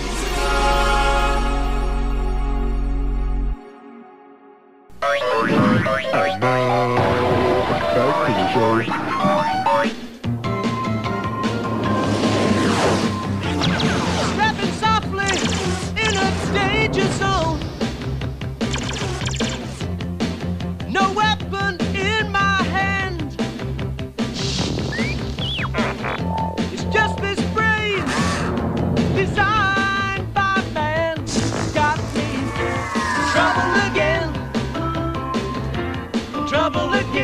But uh, let's do one more for George. We're running a little long here, and I did. I brought up He-Man specifically because you brought up Thundarr the Barbarian. Oh yeah, I need to know everything about Thundarr the Barbarian. Uh, Thundarr the Barbarian was awesome. Thundarr, the Barbarian. The year He- He-Man was, I think, semi-successfully sued by Conan the Barbarian. So how did Thundarr get away with it? I mean, Thundarr was all magic and science and post-apocalyptic, which was something I was very into at that age. I I don't know why, but I always saw myself as being one of the main survivors if that kind of thing ever happened. Now, the age I am now, I know I'd be dead in the first five minutes, just like in Zombieland. You know, I'd be one of the fatties getting chased down the football field. But I mean, Thundarr was everything that I really wanted to be. It was, you know, you were on your own in that environment, you know, as you were projecting into that as a young child. You were you were on your own, you were doing your own thing, you were surviving, you were going and there was magic and dragons and priestesses and Ookla. Ookla was he was 10 times better than Chewbacca to me ever was. And because I thought, I thought for, I'm looking at the dates here, so I, it can't be, but that I thought Star Wars may have obliterated things like Thundarr, things set in uh, older times or medieval times. Uh, but but no, I, this still thrived in Saturday morning, just not in films. Yeah. Sure, Right, yeah. yeah.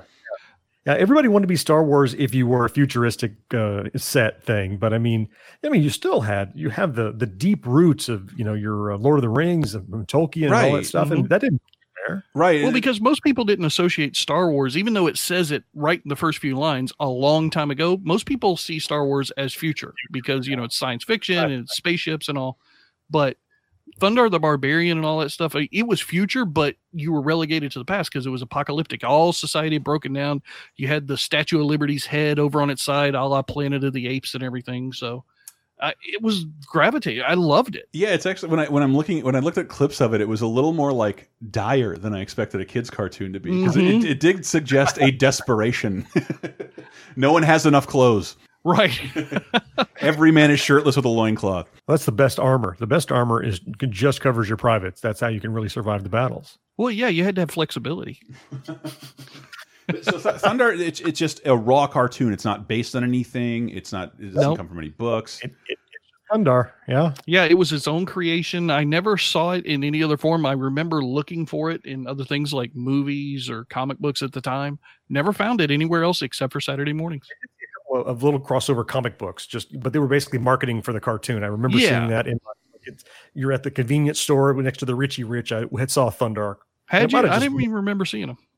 It wasn't. I don't think it was a long running series, but I remember seeing it. Yeah, It's it, what's the Hanna Barbera series? I get it confused with. Is it Herculoids? Hmm. Herculoids. Yep. Herculoids. I'm seeing it was canceled because Paramount wanted to make room for Laverne and Shirley in the army, despite decent ratings. Well, that's an awesome replacement for Thundarr. does it, does that mean was the show canceled while you still cared about it? I mean, yeah, I'm I but you know, as a it still ran in reruns, even though it was canceled and Okay. everything, I would still see it from here and there. So Yeah, they didn't stop running; they just stopped making it because Yeah. it's you know it's still making them money. It's still selling uh, you know action figures and toys, so they're not going to stop running it. They're just going to stop making it. So they did have a line of action figures. I don't remember a line of action figures. I was going to let John explain that one. Okay. Oh, I'm pretty sure they did. Yeah, I remember seeing them. I, I, I- you know, I think my again my brothers, my brothers, my buddy's little brother, he also had some of those because I remember the little the little blob guy, the buddy of his. So, yep. Again, that might be Herculoids. Am I blurring them together? I think- as you said, I always no, do. They're- There are Some- Thundarr the Barbarian action figures. I'm I just looked them up. They're there. All right. Okay, so, yep, Yeah. seen them. I mean, they. I only see three of them, and it's the main three characters. You know, it's Isis, Ookla, and Thundarr, but they're there. The purpose for have those cartoons was to sell toys in the first place. So to not have them would have been a huge, egregious. Right, right. We're in a, a post Star Wars, or dare I say, Planet of the Apes world, where merchandising is on the minds of everyone making this shit. Yep. Well, and people are certainly trying to make bank off of these because I'm seeing them like sets of them going for 300 bucks. But I mean, that's that's one of those thing, those things you learn from watching shit like Toys That Made Us. That like, if you didn't get that process started before the show aired, you probably wouldn't have merchandise out by the time the show ended. Right. And I, I do, I, I only having worked in lightly adjacent to merchandise, like you need a, you need to give China one year's heads up in order to make all that plastic for real. Uh, but Thundarr, yeah, I never really, I never really saw it. I don't think because I, I confuse it with Herculoids because that definitely when Cartoon Network and Boomerang came on, they played the shit out of it. But yeah, I, I don't know. that- I'm not now. I'm not even sure that I've actually seen this. It's it's a rare one, like you said. It didn't run for very long as far as new episodes, and I know it didn't cross over very well. You know, as I grew up, but I You love it. it's, it's speaking of short-lived and things that I don't, you know, I don't know if we're going to try to get out of the show without talking about one of my favorites on my list, which was Hong Kong Phooey, another Hanna Barbera classic, Out, which let's, was let's do it. literally one season, barely. Is this Scatman Crothers? Yeah, Scatman Crothers was the voice. Mhm. Yeah, Yeah, because the way the way I ended up seeing shit like this was um, the USA Cartoon Express, which they didn't seem to have a dedicated schedule. So you just turn it on. I'm like, oh shit, it's that Hanna Barbera show about the talking motorcycles or Inch High Private Eye, and then you tune in the next day and it wouldn't be on, and you just talking Dune Buggy or whatever. yeah, like I hope that comes back. I want to see that again, and that's how I ended up seeing. Um, that is how I ended up seeing Hong Kong Phooey because I don't. I don't think they. I don't think they had enough faith in it to like, or I think they wanted to be worth a little more, so they wouldn't waste all like a whole like all twenty episodes of it in a row. They'd really hold it off. Yeah, it, there's only 16 episodes were made. That's it. It's broken into like sub episodes, but I mean, as a kid, I had no idea. I'm like, I thought there was new Hong Kong Phooey all the time because I don't know if I had a short attention span like a goldfish or what it was, but it in my mind, if you had asked me before I looked it up, I'm like, oh, I'm sure it ran for three or four seasons. Nope. Well, that was the thing too. It wasn't like you could rewatch it on videotape or DVR or anything like that over and over again until where you had it memorized. Back then, you saw it when it aired live. Then maybe six or eight weeks later, you'd see it as a rerun, and by then you had already seen twenty other things, so you had forgotten it. Episode guide, and I don't know what I missed. So they could have been done for three years, and then I would see a new episode that I'd never seen before and go, there's a new one. See, they're still making them, but I just didn't realize I'd missed that one over and over. Right. And did, did you ever see the the leaked footage of the CG one they were trying to make with Eddie Murphy? Hong Kong Phooey? Yeah, that leaked out a little uh, like a couple years ago, but it never it never got off the ground. But there was some leaked footage because I think um, among you is Eddie Murphy. He is also a fan of Hong Kong Phooey. He- you know, I could see he could do a good Hong Kong Phooey voice. I could see that. Yeah, yeah, I would- I would, I would watch that. And okay, we'll skip the skip the the promos because we're running a little long. I I only wanted to bring this up because one of my favorite cartoons is something that seems so crazy in hindsight, and you guys were definitely too old to enjoy uh, this shit.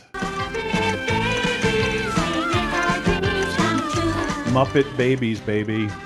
I actually do remember that because, Absolutely. like, it, despite the name "Babies" in it, it was a pretty fun cartoon and inter like with footage of Star Wars spliced into it like every couple of episodes. To avoid animation hassles they would play like they just show like almost full clips of Commander Cody and a bunch of other old serials and then they they the, the Muppets would just talk over them. But it's do you remember where this this came from?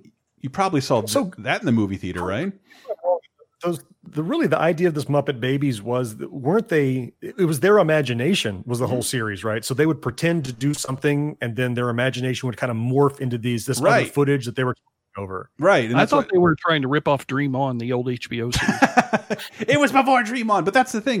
that's the thing. Thundarr the Barbarian, two seasons. He Man, two seasons. Hong Kong Phooey, one season. This ran for an unprecedented seven seasons. You'd think people that's seven years for children to grow out of it, and they didn't. And then it ran yeah. even longer on Nickelodeon, and kept getting new audiences. I, I, I, mean, I remember watching it a little bit. I mean, it wasn't in my wheelhouse, but it was.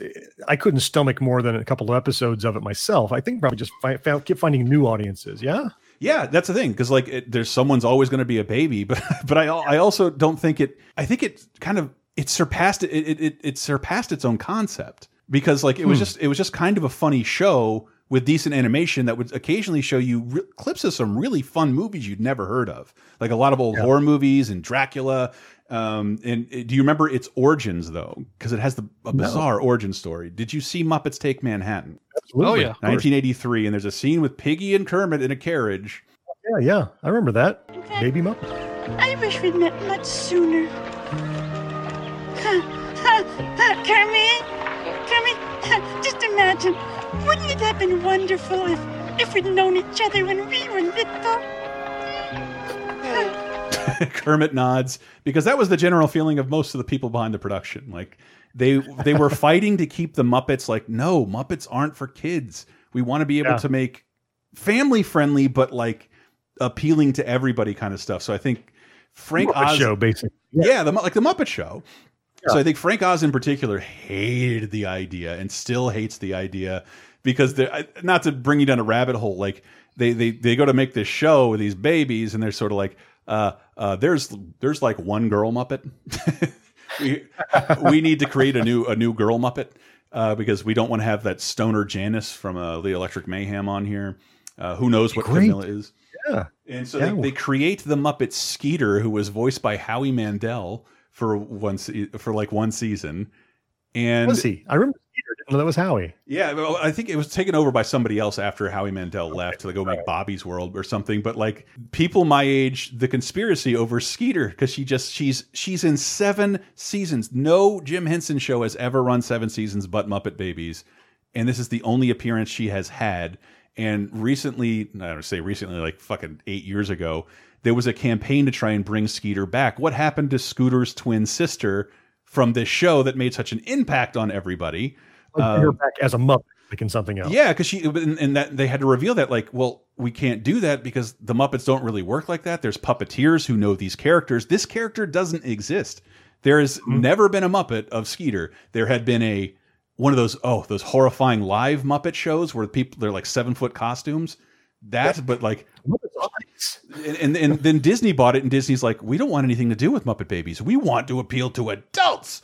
And meanwhile, Disney just remade the Muppet Babies without Scooter or Skeeter and created a new Muppet from a new CG Muppet from scratch. She's a penguin. I don't know what her name is, but uh, this this just lasted forever. And I think in terms of uh, like a distant second from Looney Tunes, I think this ended up see, getting in the most heads and uh, and forming forming the most minds up to the point when when this this woman was drawing art for the Muppet comic books a few years ago. She like I'm just sneaking Skeeter in.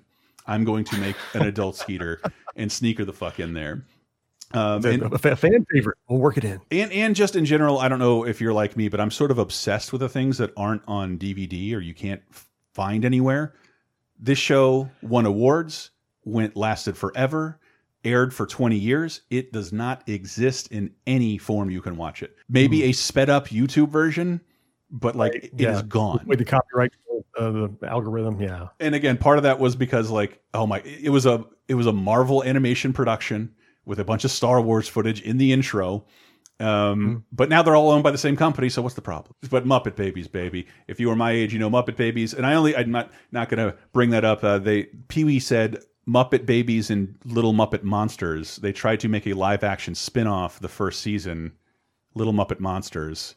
With Rover and Cookie Monster and all those guys. No, it wasn't. Yeah. It wasn't. It was new Muppets and, and a bit of the old Muppets, but it was live action. It didn't work. But what it ended up doing, if you were like me and watched the shows for the next eight years, it the the new ending credits theme song is the theme to that failed show in instrumental Okay. form. So and I, I use it all the time in promos. Laser Time people have heard it, uh, but George, have to ever get DVD or Blu-ray or anything because I mean, uh, physical media is going out the door. I mean, didn't Samsung just announce they're no longer even going to generate, going to sell Blu-ray Right. devices? Well, that's the thing. Like, who is buying? I, I mean, my parents, I've had to buy Blu-ray or play players for, but I fucking hate them. They're awful.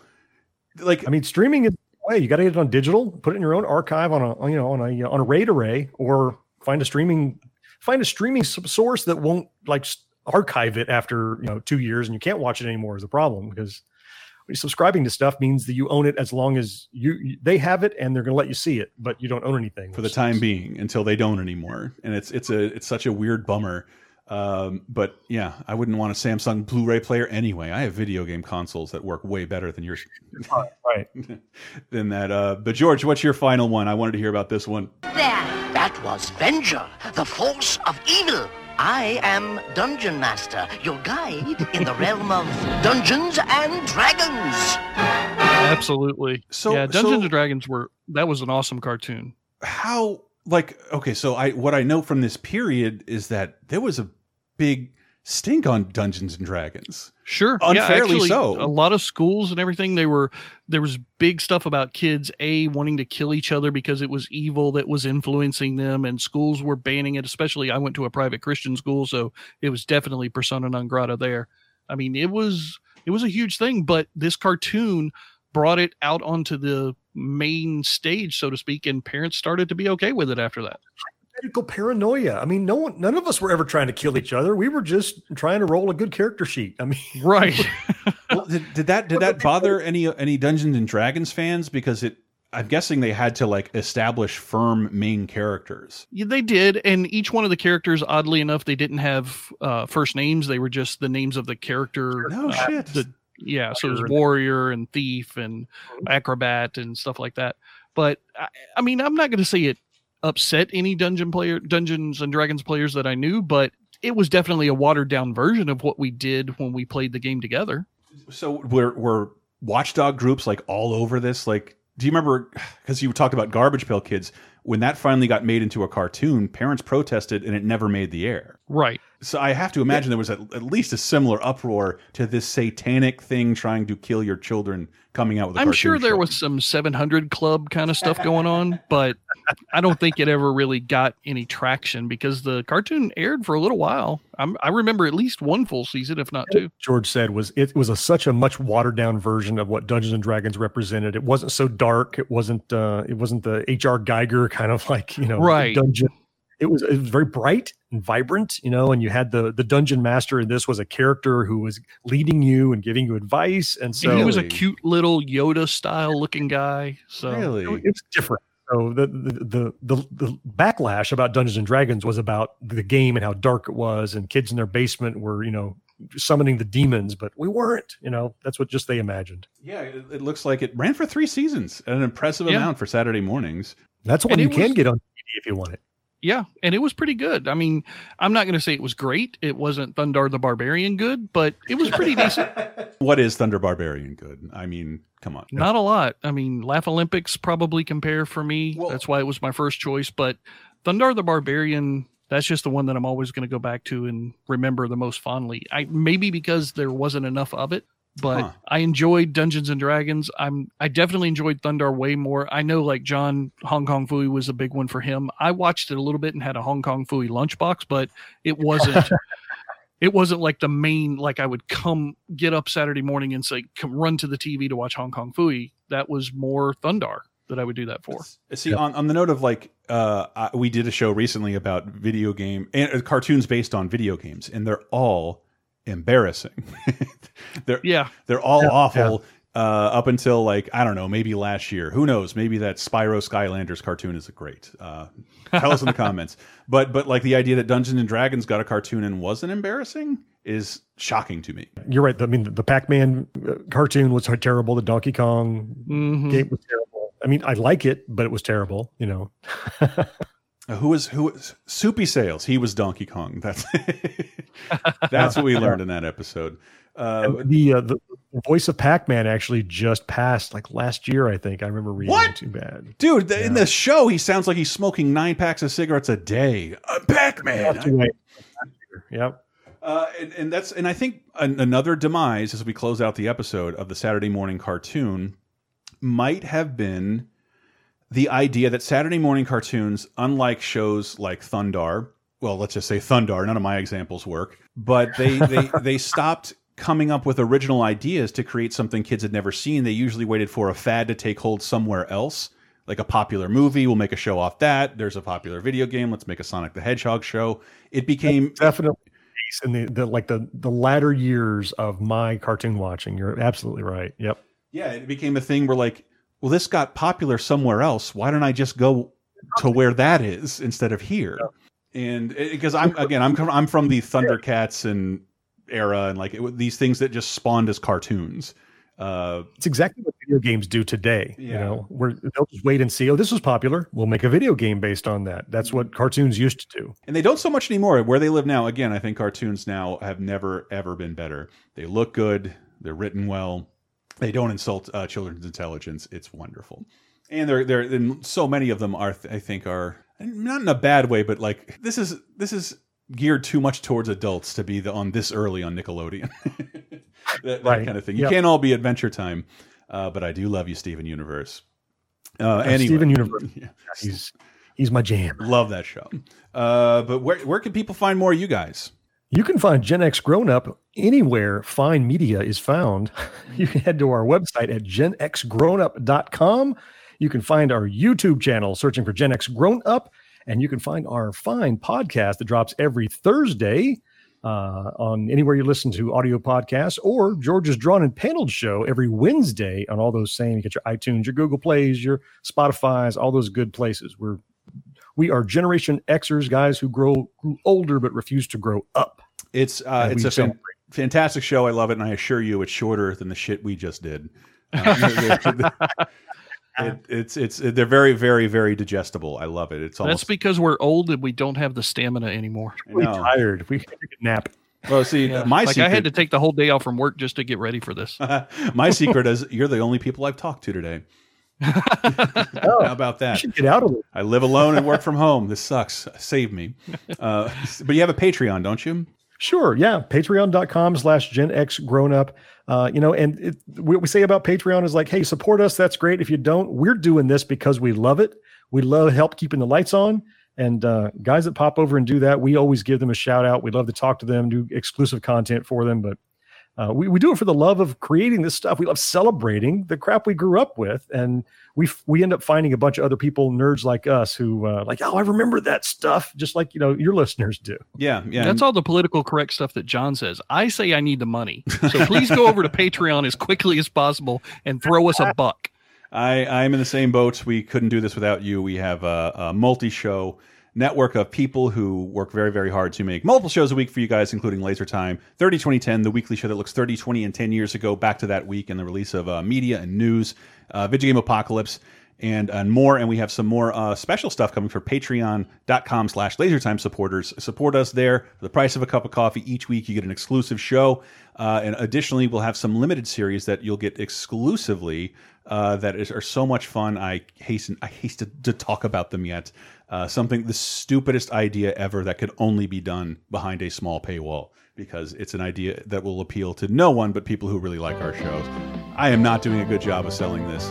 Uh, but uh, but remember, I'm not the only one who uh, needs to eat on this. So your your help is encouraged. Patreon.com slash lasertime. Uh, thank you guys so much for uh, for joining us. Give Gen X Grown Up uh, a listen. Um, super super digestible, and again, like it's not uh, it's not what I thought it was going to be. It's it's uh, insight from it's insight about a bunch of stuff that I always wanted to know more about, and uh, you guys, I don't know, you always you always you always bring the anecdotes. Oh, thanks for having us here. I, I love being here. Yeah, Thank anytime. I hope uh, come by again, guys. Until then, uh, let's pour one out for Saturday morning. It was a good time. I hope we we helped you recreate a little bit of that nostalgia for you. We will see. Unlike Saturday morning, we will see you guys next week.